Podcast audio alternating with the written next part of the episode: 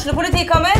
Ine Jansen er purk. Er du purk? The motherfucking bitch. Alt jeg vil, er å finne ut hva som skjedde med mannen min. Jon Carew. Er jeg sikta for noe? Iben Akeli. Det er du.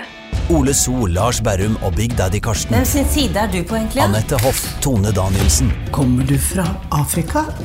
Jørnis Josef, Nesten. Kløfta. Trond Espen Seim, Det er synd å si det, men det var feil mann som døde. Purk. Premiere tirsdag på TV2 Play. Ungsamtalen fra DNB er økonomisk veiledning tilpasset deg som er ung. Bokk en ungsamtale på dnb.no. slash ung. Det er kjempebra hvis du skal inn på boligmarkedet, hvis det er drømmen din, liksom. Det er det du skulle sagt. Og så kunne du ropt litt mer, da, sånn som jeg gjorde. Bam! Åh.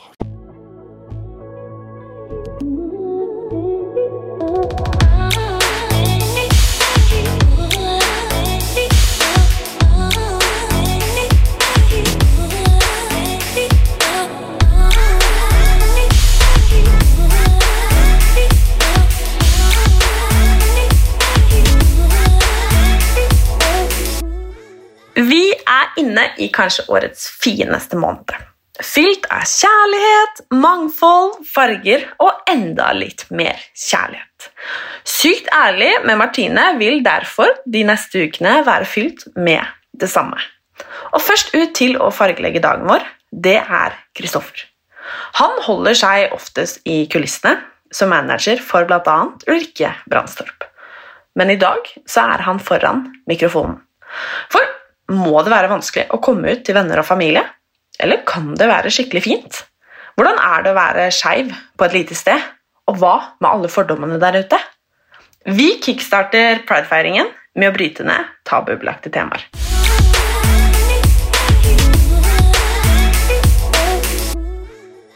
Hei og velkommen, Kristoffer. Tusen takk, Martine. Altså, dette er så hyggelig.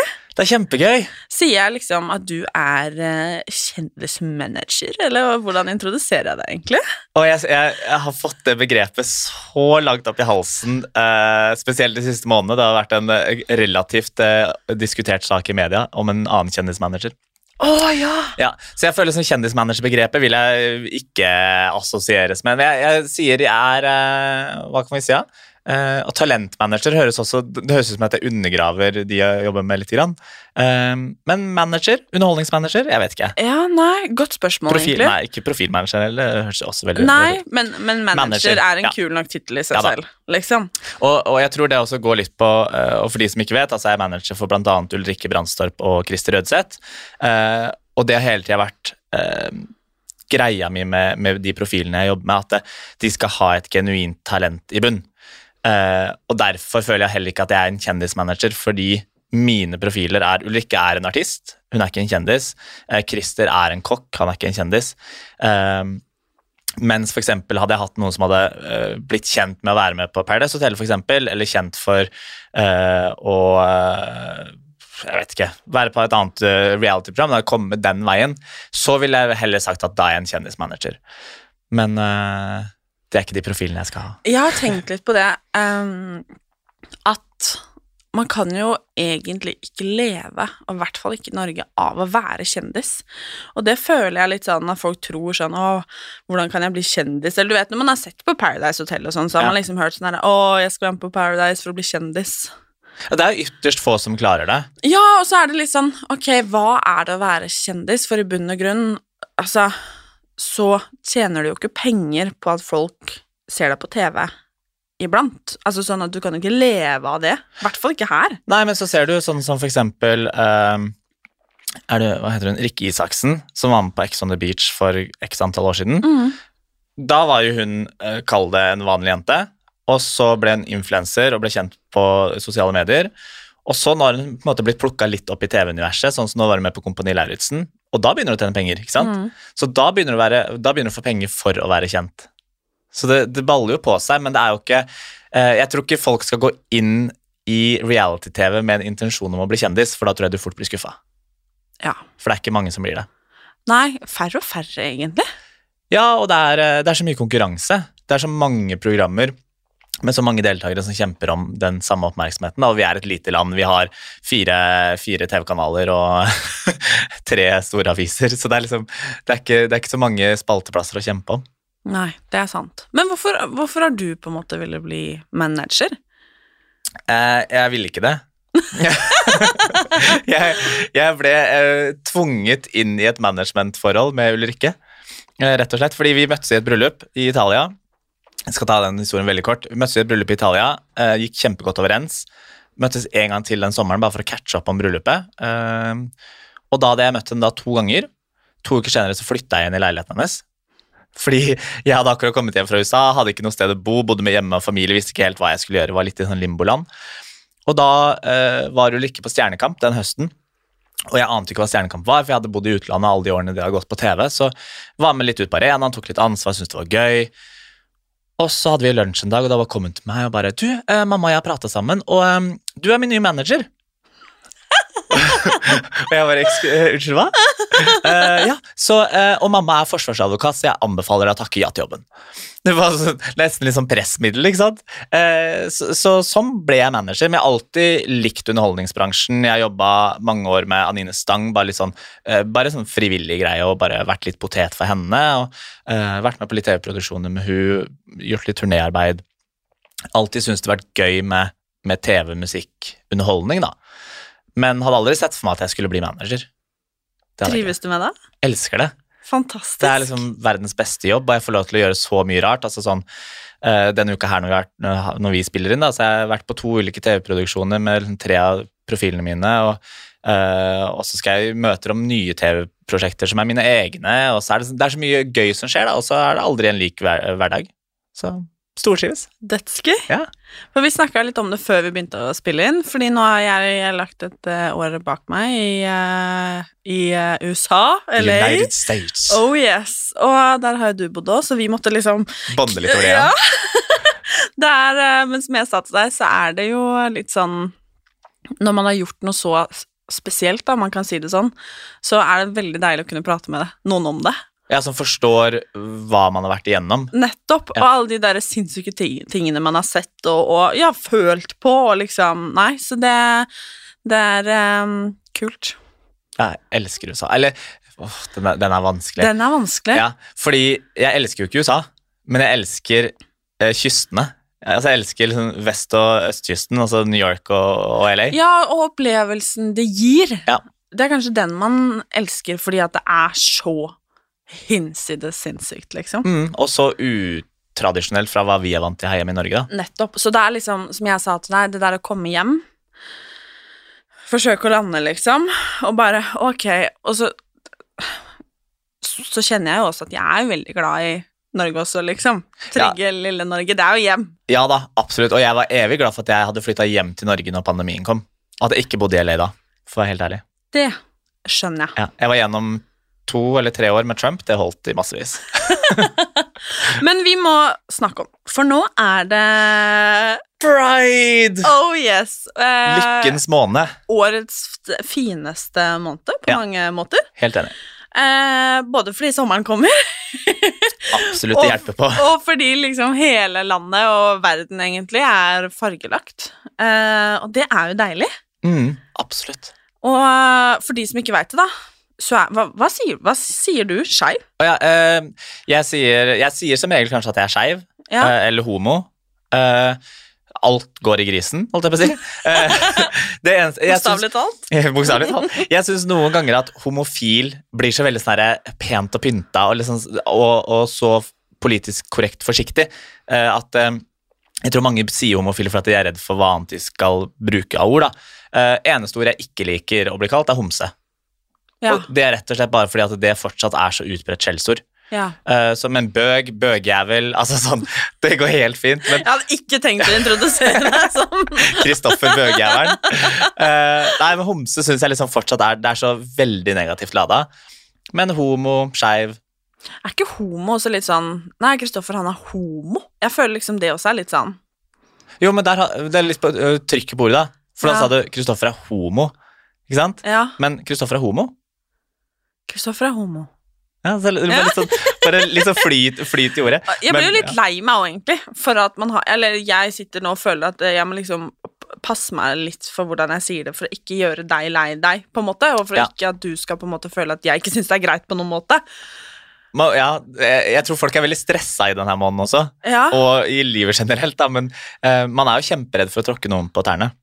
Ja, og på en måte så er jo det fint, tenker jeg, fordi at man på en måte er bevisst, og det er viktig at på en måte alle føler at de på en måte eh, At man er åpne, og på en måte alt er fint og greit, liksom. Men samtidig så er det jo litt leit at det må være det, fordi at eh, jeg skulle jo ønske at eh, det at du liker menn, var like naturlig som at jeg liker menn. Ja. Liksom.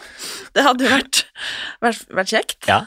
Um, og eh, rett før jeg kom hit nå, så så jeg ehm, en uh, mindre profil på Instagram som hadde uh, Hva skal jeg si uh, Ranta i vei om eh, pride, og at det fantes bare på en måte et type forhold, og det var mellom mann og kvinne, og at det var lov å boikotte pride, og at det ikke hadde noen ting for seg, og at på en måte Ja, det var noe dritt, da, for Ja. å si det rett ut.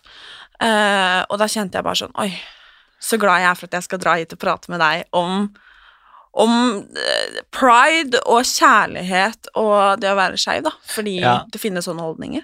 Ja, og man tenker jo hele tida at eh, vi har kommet veldig langt i Norge, og det har vi jo.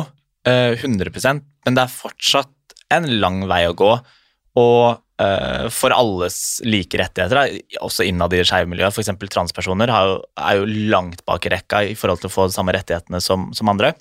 Så jeg tror uh, vi har fortsatt en lang vei å gå, og det er fortsatt dødsviktig å feire pride og markere pride og vise, uh, vise mangfold, da. Og eh, vi skal jo ikke mer enn en eh, 399 kroners flytur litt over grensa til Polen før det er homofrie soner og i full retrett på menneskerettigheter. Så det er, det er ganske sjukt at det foregår rett utafor døra vår. Så Nei, jeg tror det er dødsviktig at vi fortsatt feirer pride og, og markerer, og, og at flere og flere er med på den feiringa, da.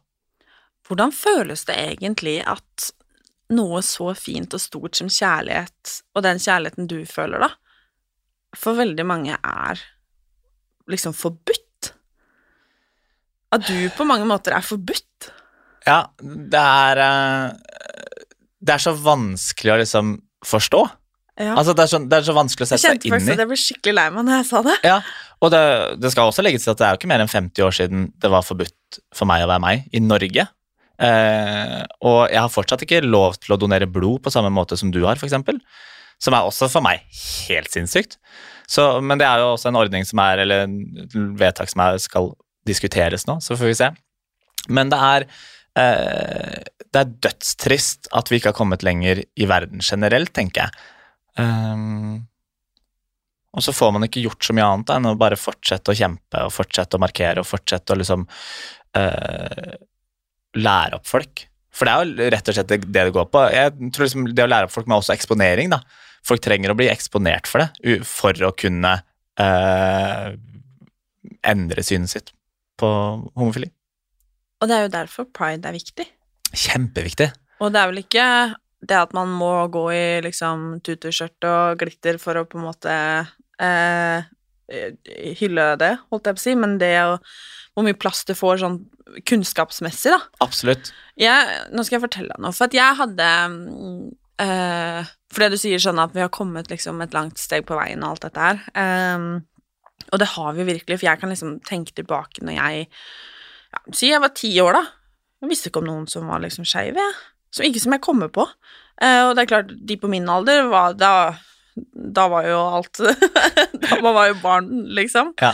Men sånn, jeg visste ikke om noen voksne som på en måte bodde sammen, eller av Jo, kanskje én. Jeg liksom tenker etter. Nå veit jeg jo mange, liksom. Ja. Og jeg husker det når jeg gikk på videregående, så hadde jeg en eh, eh, veldig god venninne som jeg hadde spilt fotball med i mange år. Um, og hun eh, Og jeg var typisk jenter som liksom og så på gutta og liksom alt dette her, da.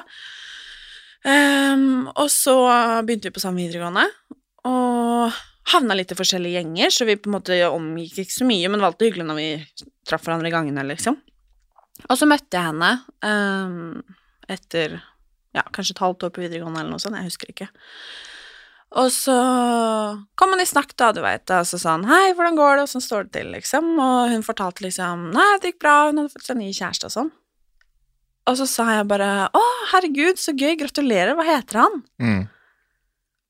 Og så så hun på meg, og bare eh, Hun heter Og så sa jeg navnet, liksom. Og da husker jeg at jeg tenkte, vet du hva, nå lærte jeg så forbanna mye. Ja. Og siden da så har jeg aldri liksom stilt et så svart-hvitt spørsmål igjen, og jeg skjønner godt at man gjør det. Og på en måte det var helt naturlig for meg å stille en venninne som jeg var helt sikker på at likte gutter. altså sånn. Men det var en sånn Jeg syns det var så fint, og måten hun også tok det på, litt den der at eh, Ja, det er ikke så nøye, liksom. Og det var like hyggelig at hun hadde fått seg kjæreste, selv om det var et jentenavn stedet. Ja, ja, ja. det var et guttenavn, liksom. Ja. Men det er kanskje min sånn største sånn som jeg fikk en litt sånn wake-up call på.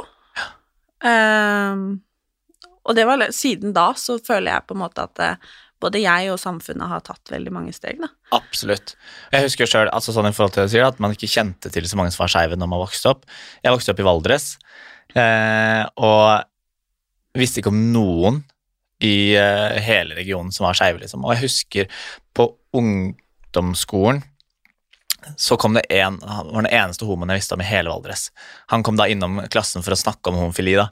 Eh, men det var også grunnen for at jeg flytta vekk fra Valdres for å gå på videregående, fordi jeg ikke ønska å komme ut som homo i Valdres. Fordi at jeg begynte å høre liksom historier om at han, han kom ut og han ble banka opp med kjetting. og altså sånn, Man fikk sånne skrekkhistorier. Og jeg tror på den tida så var det nok ikke så kult å komme ut som skeiv i Valdres, tror jeg. Eh, det har blitt mye bedre. De hadde, jeg fikk eh, melding av eh, en onkelungen min forrige uke, var det vel. Eh, Da skulle de markere pride på videregående i Valdres, og da hadde de invitert Lotepus. Så Lotepus var der og prata om pride. Og det er også en sånn merkelig, merkelig kombinasjon, fordi at liksom man tenker ikke på pride og Lotepus i samme setning, men Lotepus har jo en eh, skeiv sønn, eh, så han har jo stått i det fra en foreldre sitt perspektiv. Og jeg tror mange sin første instinkt når man sier at man har invitert en heterofil til en skole for å snakke om pride, er sånn Åh, hvorfor det, hvorfor får ikke homofile få lov til å komme og prate om sin egen pride, la, la, la, la. Men jeg tror han passer inn i Valdres. han snakker til Valdres-målgruppa mye bedre enn kanskje eksempel jeg ville gjort, da, som har bodd så lenge nå i Oslo eller ute, eller uh, si Morten Hegseth, eksempel, som også er en veldig sånn by, bygutt. Uh, så tror jeg Lotepus var helt riktig for Valdres. Uh, og de gikk rundt uh, Onklene min gikk, gikk rundt med prideflagg og flagga på skolen, og jeg syntes det var kjempestas. Det skjønner jeg. Ja. Men hvordan eh, Når var liksom første gang du kjente på at liksom Nei, du, du var skeiv? Når jeg ikke klarte å bestemme meg for om jeg likte Britney Spears eller David Beckham best, utseendemessig. så ganske tidlig. og jeg har vel alltid vært liksom Når jeg var liten, så var jeg nok alltid litt sånn feminin av meg. Leika mye med Barbie-dokker. Eh, X-Men var liksom Eller jeg tror det var X-Men-dokker eller noe sånt. De var liksom ikke like kule.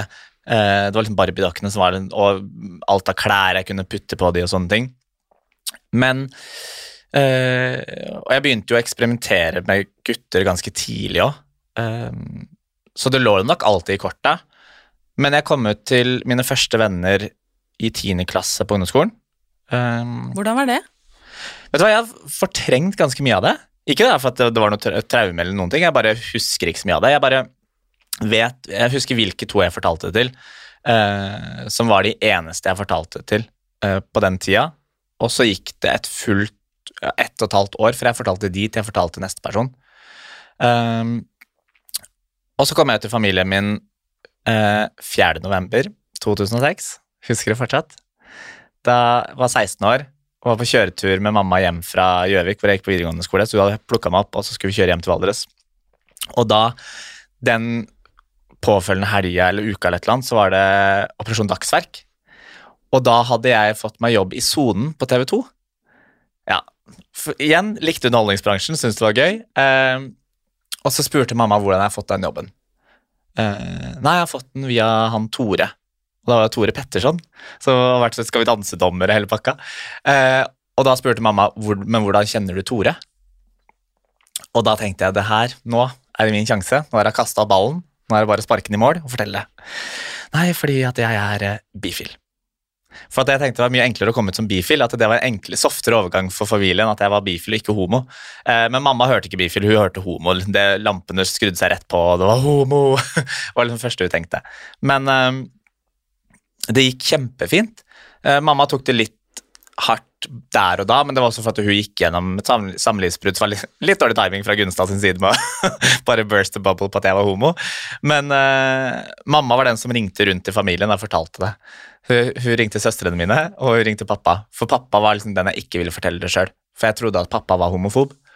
Uh, og det tror, jeg, det tror jeg er en viktig lærdom til foreldre. Da, at alt det du sier til ungene dine, kom, de kommer til å huske det, og det er ting som setter seg, liksom. Fordi jeg hadde prata med kona, eh, pappa og kona til pappa om eh, karrierevei da, eh, etter ungdomsskolen og sånne ting, og på videregående. Og da sier kona til pappa men kan du ikke bli flyvert, du elsker jo å reise. Da får du reist masse. Og jeg huska så godt at pappa sin første snappy kommentar var at det er sånn homoyrke. Det var det første pappa sa, og det beit seg fast. Så, så på grunn av det så turte ikke jeg å komme ut til pappa. Uh, men pappa var den som tok det best av alle. Uh, så uh, Og det tror jeg var Altså, pappa var gammel på det, det tidspunktet. Liksom. Jeg har alltid vært liksom, definitivt ulykka i familien som, som, som troppa opp på døra. Uh, så han, hadde, han kom fra en helt annen generasjon, ikke sant. Og han mente aldri noe vondt med den kommentaren, men det var bare sånn det er sånn alle i filmer blir fremstilt. De er skeive, flyverter, og er, du så det ofte på fly når du er ute og det sjøl. Så, så, så, det var kommentaren han kom med, men som sagt, han var den som takla det best. Og uh, det eneste han liksom sa til meg, var bare 'bruk beskyttelse'. For igjen, han også da vokste opp med aids-pandemien eller epidemien og uh, kjente til det, liksom, fra, fra, fra når han var ung, da. Så, så, det var det eneste han på en måte sa noe på. Mm. Så fint. Kjempefint. Eh, og jeg syns det er litt viktig å prate om også at det å komme ut trenger ikke å være vondt eller vanskelig, fordi synes, Og det er ingenting feil med det hele tatt, men ofte så er det de historiene som eh, der det har vært vanskeligst for folk å komme ut, som, som blir løfta opp og løfta fram. da. Og jeg tror folk, eller unge gutter, unge jenter, unge hva enn du er, eh, trenger å få høre at det, det er ikke alltid kjipt. Eh, det går dritbra, det kan gå dritbra. Familien kan takle det bra, venner kan takle det bra. Eh, jeg kom ut sommeren mellom første og andre klasse på videregående til, til alle i klassen. Og det var sånn, det kunne ikke gått noe bedre. De tok skikkelig godt vare på meg, spesielt gutta i klassa. var de som kanskje tok mest ansvar. Um, så jeg syns det er viktig å prate om at uh, det trenger ikke å være kjipt å komme ut av skapet. Det er dritgøy. Det syns jeg var veldig fint. Men tror du at vi noen gang kommer til å komme dit at man på en måte ikke må ha liksom en announcement, liksom. At man må liksom komme ut av skapet, liksom. Tror du at vi noen gang kommer til å komme dit at det på en måte er så så normalt og greit at det, ja, det spiller ingen rolle, liksom? Ja. ja? Jeg, jeg syns vi ser det allerede på denne generasjonen på en måte eh, under nå, da som er mye mer eh, flytende seksuelt, f.eks., enn hva, hva, vi noen gang var, og veldig åpne om det også.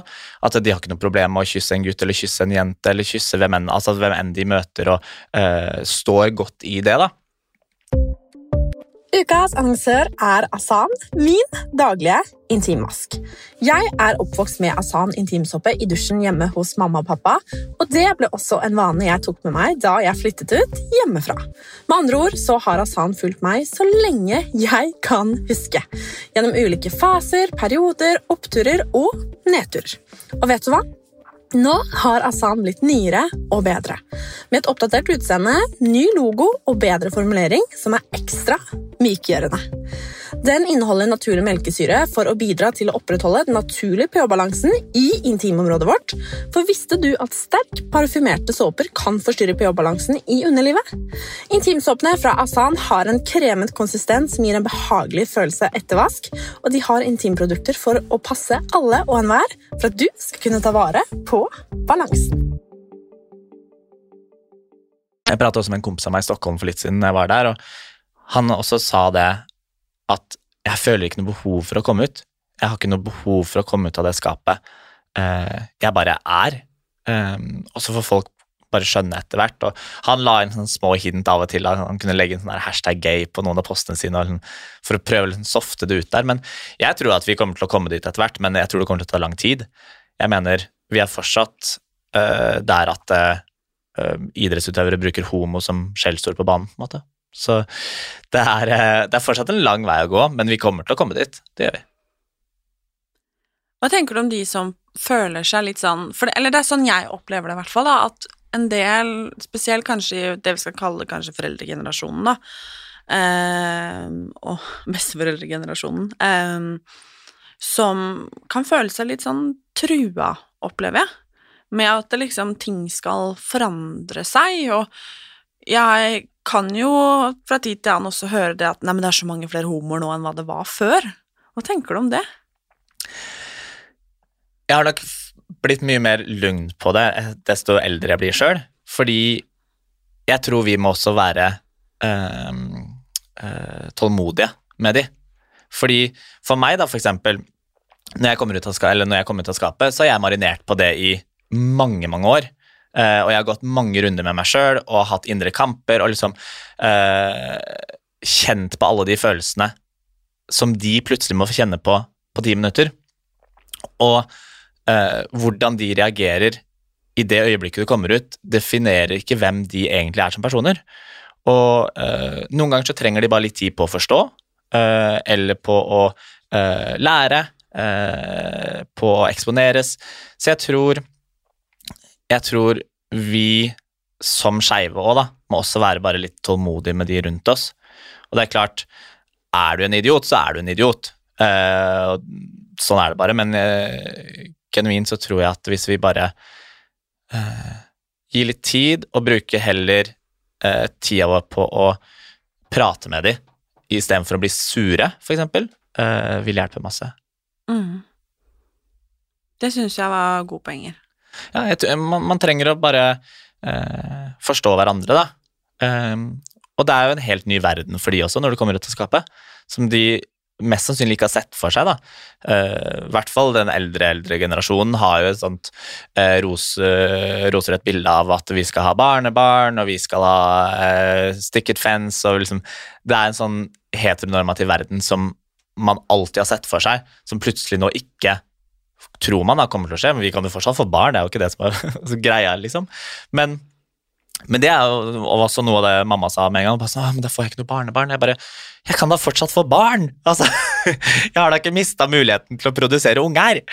Uh, så uh, Men igjen, da, det er også noe som, som kanskje ikke var så informert om, da, til generasjonen til mamma og pappa. Uh, så bare å prate kommunikasjon. Som, som et godt kjærlighetsforhold, så er det kommunikasjon som gjelder her også, ikke sant? um, kan jeg spørre om du har lyst på barn? Ja, det kan du spørre om. Har du det? Nei. Nei. eh, jeg har ikke det. Og jeg, eh, jeg hadde nok mer lyst på det før, og når jeg hadde kjæreste, og liksom, vi prata litt om det og sånne ting. For nå er du singel? Ja. Ja. Men da var vi også veldig unge, så var det ikke aktuelt å få barn da. Men jeg tror Helt ærlig så er jeg nok for ego til å ønske barn. I hvert fall sånn jeg, på det stedet, stadiet jeg er i livet nå, singel eller med noen. på en måte. Jeg har lyst til å reise, jeg har lyst til å oppleve, jeg har lyst til å uh, få muligheten til å leve mitt liv 100 fullt ut. Uh, jeg har masse herlige venner som har barn. Uh, Søsknene mine har barn, så jeg har masse onkelunger. Uh, så jeg får den stimulaen via det. Og det er klart, møter man virkelig drømmemannen som absolutt vil ha barn, og man føler at det, her er noe trygt og godt og noe som skal vare for alltid, da, at det, kanskje man endrer synspunkter da. Eh, samtidig så er det jo også så enkelt for andre da å si sånn herregud, barn er så hyggelig, eller barn er så flott, liksom.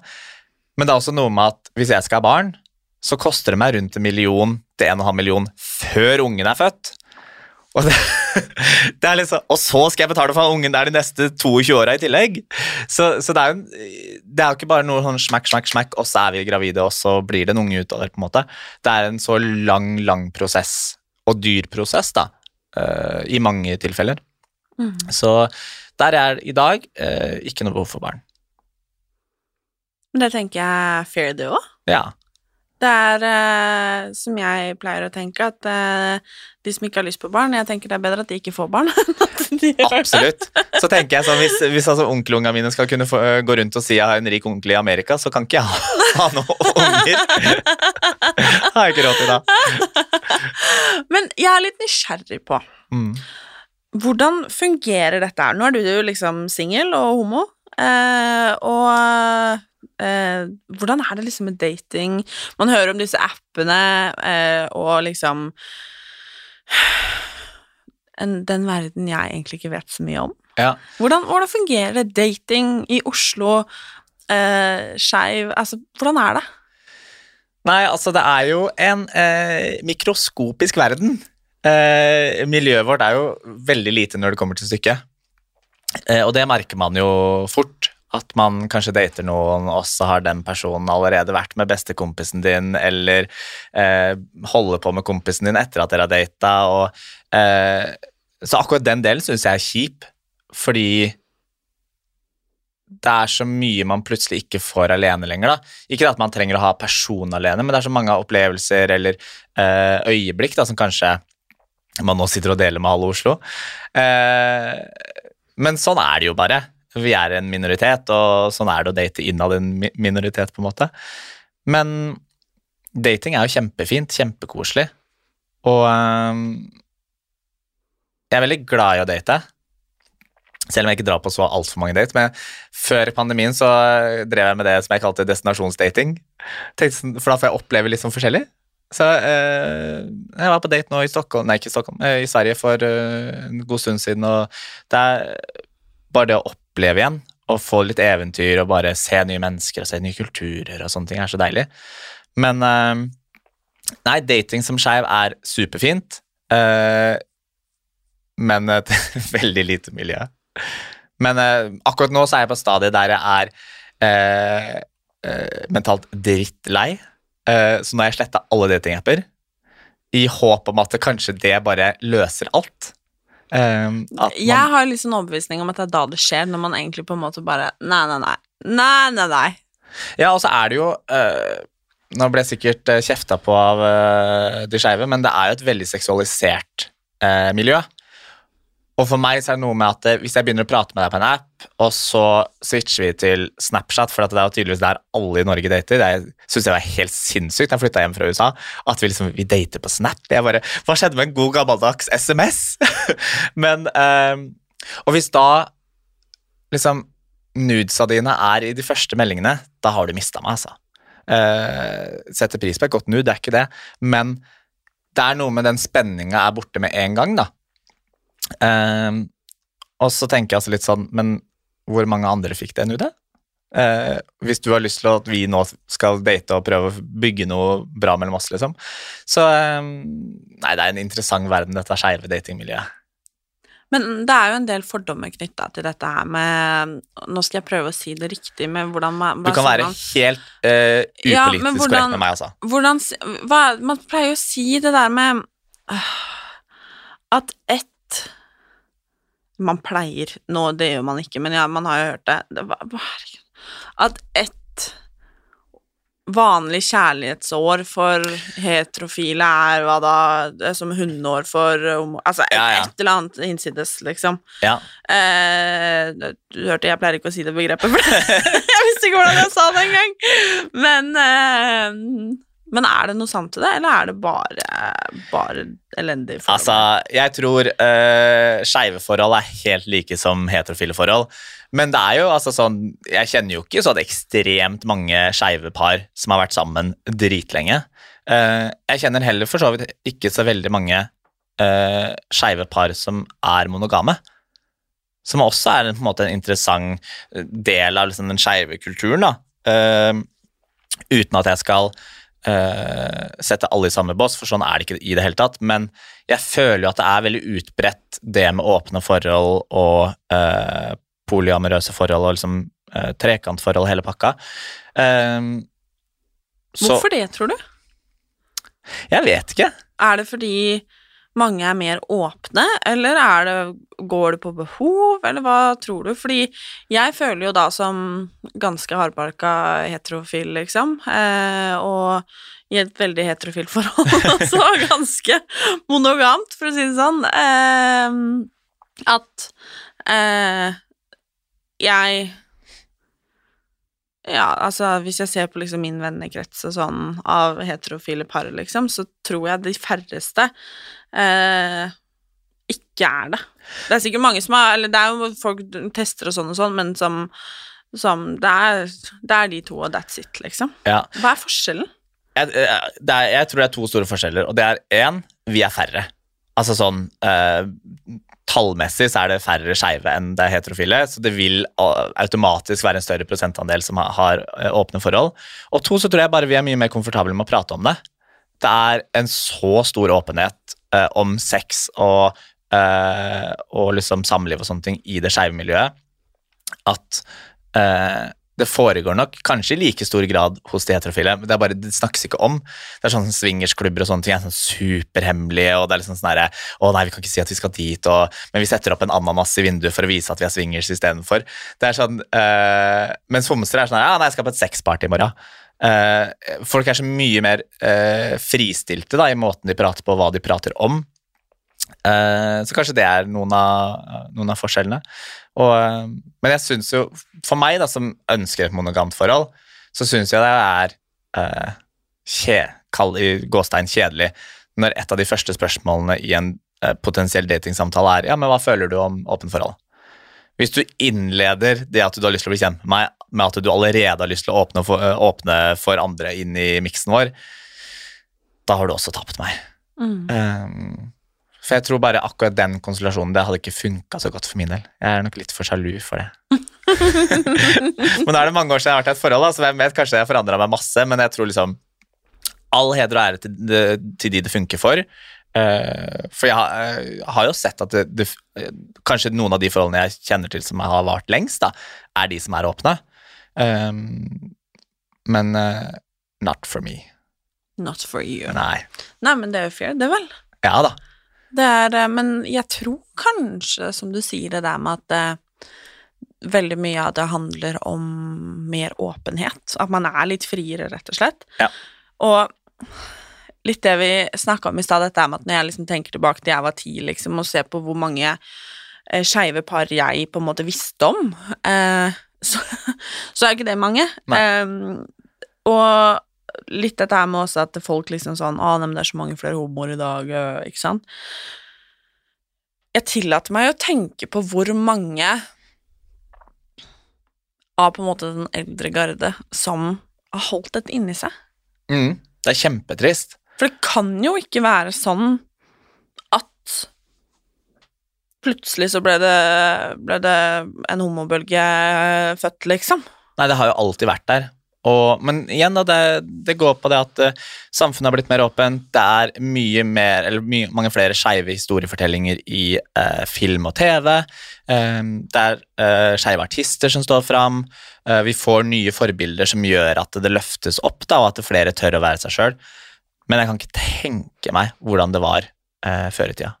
Har du sett eh, serien Ut på Discovery? Nei, jeg har ikke gjort det ennå, men jeg gleder meg så Ja, fælt til å gjøre altså, jeg gråt så mye gjennom den eh, serien. Den er så fin, og det, er- den er så viktig. Jeg bare håper at alle som lytter på podkasten din, også ser den serien. For den forteller så mye om eh, homohistorien til Norge. Og også det, da, hvordan det var å være skeiv når det ikke var lov, eh, og du ikke turte å være deg sjøl, på en måte. Så eh, en dødsviktig serie som, eh, som jeg håper Det burde egentlig bare blitt pensum på alle skoler, rett og slett. Ja, jeg gleder meg til å se den. Jeg uh, har hørt masse bra om den, og hvor viktig den er. Og det, så da anbefaler vi alle det. Yes. Ut. Ut. Ut. Det du nettopp sa nå, med at uh, folk står fram, artister og sånn og sånn Jeg er jo en del av et ganske tight, maskulint og heterofilt miljø gjennom hockeyen. Um, hvorfor tror du at det er så vanvittig få mannlige idrettsutøvere? For kvinnelige idrettsutøvere er det jo en flust, da. Ja. Um, hvorfor er det så få mannlige idrettsutøvere som tør å stå fram, tror du? Altså, det her blir bare spekulasjon, for jeg har jo ikke vært på innsida i de miljøene, men jeg vil bare, bare tro at det fortsatt er en sånn skikkelig gutta-gutta-garderobekultur. Og gutta-gutta er gøy, men det kan ikke bikke over i å være drittsekker. Og det å bruke f.eks. homo som skjellsord på banen, eller eh, jeg veit om, og det her er helt sinnssykt, men jeg veit om eh, lag i toppidretten i Norge som kårer ukas homo på trening som en sånn negativ greie. Altså sånn, Det er helt sinnssykt. Um, og da, hvis, hvis du Det kan er jeg bare si det med en, det, en gang. Det har ikke jeg vært en del av, for Nei, nei, si det sånn. men, Herregud. men kan du tenke deg da som ung skeiv på det laget, og så skal alle lagkompisene dine le hver uke for dere kårer årets homo, eller ukas homo. Du har ikke noe lyst til å komme ut og fortelle hvem du er da. Så um, jeg, altså Det starter med trenerteamet, eh, som setter presedens for, for laget. eh, og, som, og, liksom, og føler som at det bare bygger seg nedover kaptein. Altså Folk må ta ansvar eh, for å vise at vi, vi virkelig aksepterer alle. At det er ikke bare noe vi sier i media fordi at eh, det ser fint ut. Eh, og så tror jeg, hvis du fortsatt hører eh, homofobiske rop fra tribunen eller fra motspillere, så blir det vanskelig. Og så er det jo også sånn, da, sånn som vi snakka om, når, når blir det en greie der man ikke trenger å komme ut og skape lenger? Vi er jo fortsatt der at det, det å komme ut og skape er en stor ting. Så hvem enn som kommer ut i toppidretten, kommer til å få den kalde støyten fra media, og må eh, automatisk være en offentlig person. da. Og Gro Hammerseng og Anja Edin i den utserien sier det så fint om at det, eh, det er jo skeive i toppidretten i Norge, det er det ikke noe tvil om. Og ofte som skjulte skeive så finner vi jo hverandre og lager vårt eget lille liksom, eh, gruppechat på Facebook. Og kanskje det er løsningen, da. At man sammen, fem, seks, syv, åtte, ni, ti stykker, går sammen og kollektivt kommer ut. Fordi da tar man støyten fra hverandre. Da er man en gruppe som gjør det sammen, og det er ikke sånn at du må aleine sitte på Lindmo og fortelle din eh, triste coming out-story. Da er dere sammen om det og kan ta litt presset fra hverandre, da. Um, og så må uh, Så er det ikke bare Det er ikke bare toppidretten eller det heterofile uh, miljøet som må skjerpe seg. Homsene må også skjerpe seg, eller skeive miljøet, da. Fordi det er få som er så homofobe som internt i homomiljøet. Og det er helt, helt sinnssykt at vi som en minoritet sitter og klager på at andre ikke aksepterer oss, når vi innad i miljøet eh, snakker så mye dritt om hverandre. Det er drittrist. Hvorfor gjør man det? Det er fader ikke noe godt svar på. Altså, det, for jeg forstår det ikke. Jeg bare forstår ikke hvordan vi kan være så idioter innen vårt eget miljø, og ikke skjønne at det, det her skader skader oss mye mer enn hva Altså sånn kommer å, Vi kommer ikke til å få noe større aksept ute uh, utenfor vårt miljø hvis vi ikke innad i miljøet klarer å akseptere hverandre. Nei. Så um, Jeg vet ikke. Nei, ikke jeg heller. Men jeg tror det der med idretten, som du sier, at eh, det er eh, Jeg håper at eh, flere og flere føler at det er plass og rom for dem. Ja. Jeg blir jo dritlei meg når du forteller det du gjør, at du vet om sånn kåringer som dette er, og sånn. Det er at det Det er så hinsides at man knapt tror på det, ikke sant. Ja. Og så tror jeg bare for, for unge som sitter der ute, hvis, hvis du er skeiv og driver med idrett, eller er i toppidretten, se på de eksemplene som har kommet ut, da. Nå er det ikke lenge siden eh, en som het, heter Ola, eh, kom ut fra Eller kom ut eh, som spiller på Drammen håndball. Eh, se så bra det har gått for han, da. Han, for det første, han blomstrer, liksom. Han ser jo lykkeligere ut enn noensinne. Han har fått seg kjæreste. Eh, Kjæresten er dritkjekk. Kjempekjekk! Jeg bare Fader, jeg er sjalu. Eh, men det er dødsbra for han, og det er sånn, eh, uten at jeg veit noe mer om liksom, hvordan det har vært på lag, og sånne ting, men det virker jo som at alt har gått helt fint på laget med å komme ut. Eh, han er fortsatt en Og, og det her er viktig, da. Han er fortsatt en like god håndballspiller som han var når han var i skapet. Han spiller fortsatt like mange kamper som når han var i skapet. Jeg tror også mange er redd for at det skal påvirke karrieren deres. da. Um, så jeg tror det er også viktig for de som, som sliter og er i toppidretten og ikke har helt tørt å komme ut, og se på de eksemplene av de som har tørt og som prøver å bane vei for deg, at eh, det går helt fint. Eh, og jeg tror når du kommer til det steget at du, du velger å, å, komme ut av skapet, så tror jeg du kommer til å lette så mange kilo av skuldrene dine. Um, både personlig, men også liksom uh, karrieremessig. da. For det kan jo ikke være så kult å drive med det du elsker, uten å få lov til å gjøre det som deg sjøl. Du som har vært på alle disse datingappene og sånn og sånn, møter du noen ganger mennesker som overrasker deg? Eh, ikke nødvendigvis for at de er skeive, men fordi at de er langt inne i skapet, da, om det er på en måte ja, men altså kjendiser eller mennesker du vet hvem er, idrettsutøvere osv. Ja. Mm. Og eh, Så de finnes jo der ute. Jeg veit om flere toppidrettsutøvere som på en måte ikke vil stå frem, da. Um, og det er dems valg 100% Men uh, de finnes. De er der ute, de. Selvfølgelig. Mm.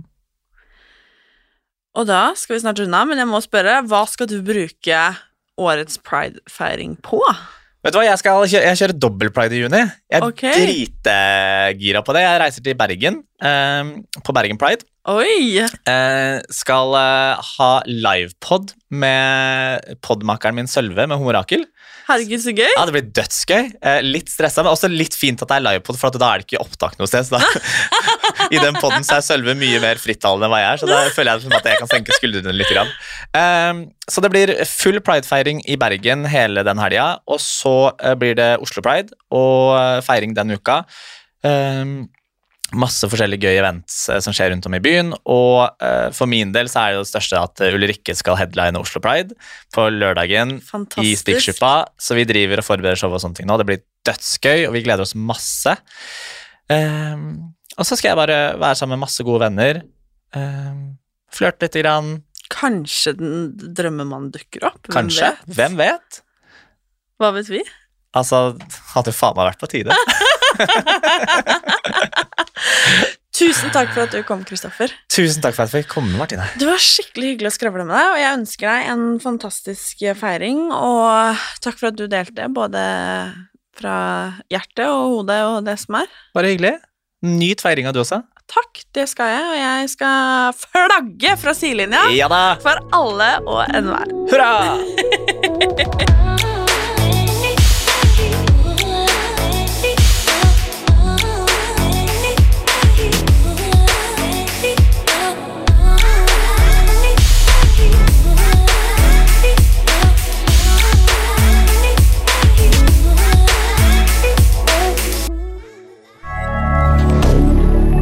moderne media.